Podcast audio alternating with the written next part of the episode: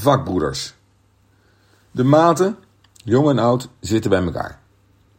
Het is de zoveelste strategie-sessie. Maar ze zijn al lang geen maten meer. Vandaar de herhaling van zetten. Ze komen er niet goed uit. De een legt de nadruk op het vak als basis voor werk en groei. De ander wil investeren in marketing ten bate van leads voor iedereen. Een derde wil nieuwe sectoren aanboren, maar een vierde wil juist focus houden. In het gesprek is ruimte voor ieders professionele zienswijze, maar het blijkt moeilijk van daaruit te generaliseren. Wat jij doet, past mij en mijn klanten niet. Er ontstaat zo onvoldoende gemeenschappelijks. Ieders eigen professionele wijze viert hoogtij. En dat is precies de kracht van een maatschap. Of elke andere vorm van governance waarin eigenaarschap, ondernemerschap en besturing samenkomen. Maar dan moet er wel een mechanisme zijn om de grenzen met hobbyisme enerzijds en generieke taken anderzijds te bepalen. Het verschil in performance van deze maten blijkt groot. Zijn ze gelijkwaardig? Dat is lastig te wegen. Hoe weegt het resultaat van de een als managing partner tegen de ander die in de beroepsvereniging zit? En hoe mag het lagere commerciële resultaat van hen beiden opwegen tegen de jonge innovator die ontzettend veel scoort? Multidimensionale grensdiscussies als deze zijn lastig. Vooral zodra het minder goed gaat. Met mooi weer kan iedereen zeilen. Zolang niemand dan de boel bedondert, zijn er op de jaarlijkse skitrip louter vrolijke gezichten. Als het minder gaat, wiens broekriem is dan eerst?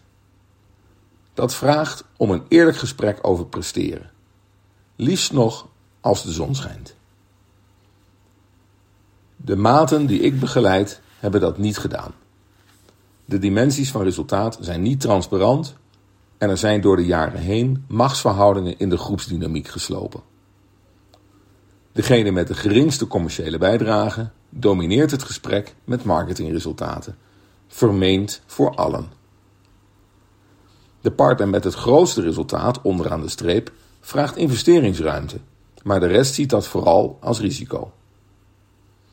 De stammenstrijd aan tafel is een erfenis van vele jaren kool en geit.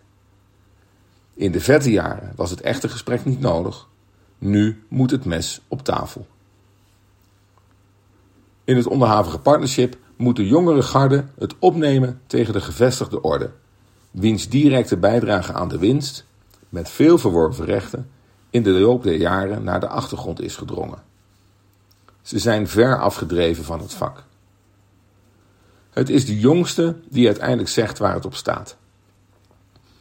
Als je als eigenaar niet onderneemt met je poten in de klei, kun je beter je aandelen verkopen en ergens bestuurder worden, zegt hij. Zijn pittige betoog beoogt als vakbroeders de schouders eronder te zetten. En hij vervolgt: Juist diegenen met veel ervaring kunnen meerwaarde leveren. Verhoog je tarief en neem een paar mensen mee om je ervaringen te delen. Wel nu, het hoge woord is eruit. Terug naar het vak. Samenwerken. Vakbroeders.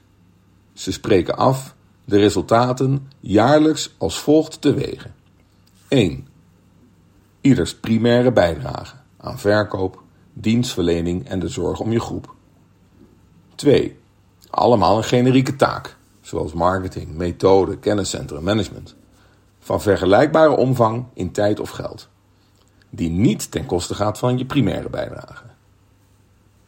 En drie, investeringen in innovaties met een payback van maximaal twee jaar in de eigen PNL en zo ook het resultaat ervan. Verder handhaaft naar hun idee de managing partner de ondergrens van kwaliteit en ethische normen.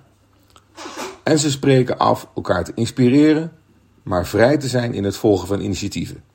Voorbeeld, als je golft om opdrachten te scoren, vooral doen. We zien de omzet vanzelf terug, maar ga niet verordeneren dat we allemaal moeten gaan golven. Maanden later kom ik een van de oudere partners weer ergens tegen. Op mijn vraag hoe het gaat, glundert hij terug. Oh, zo leuk. Ik zit weer als een vis in het vak.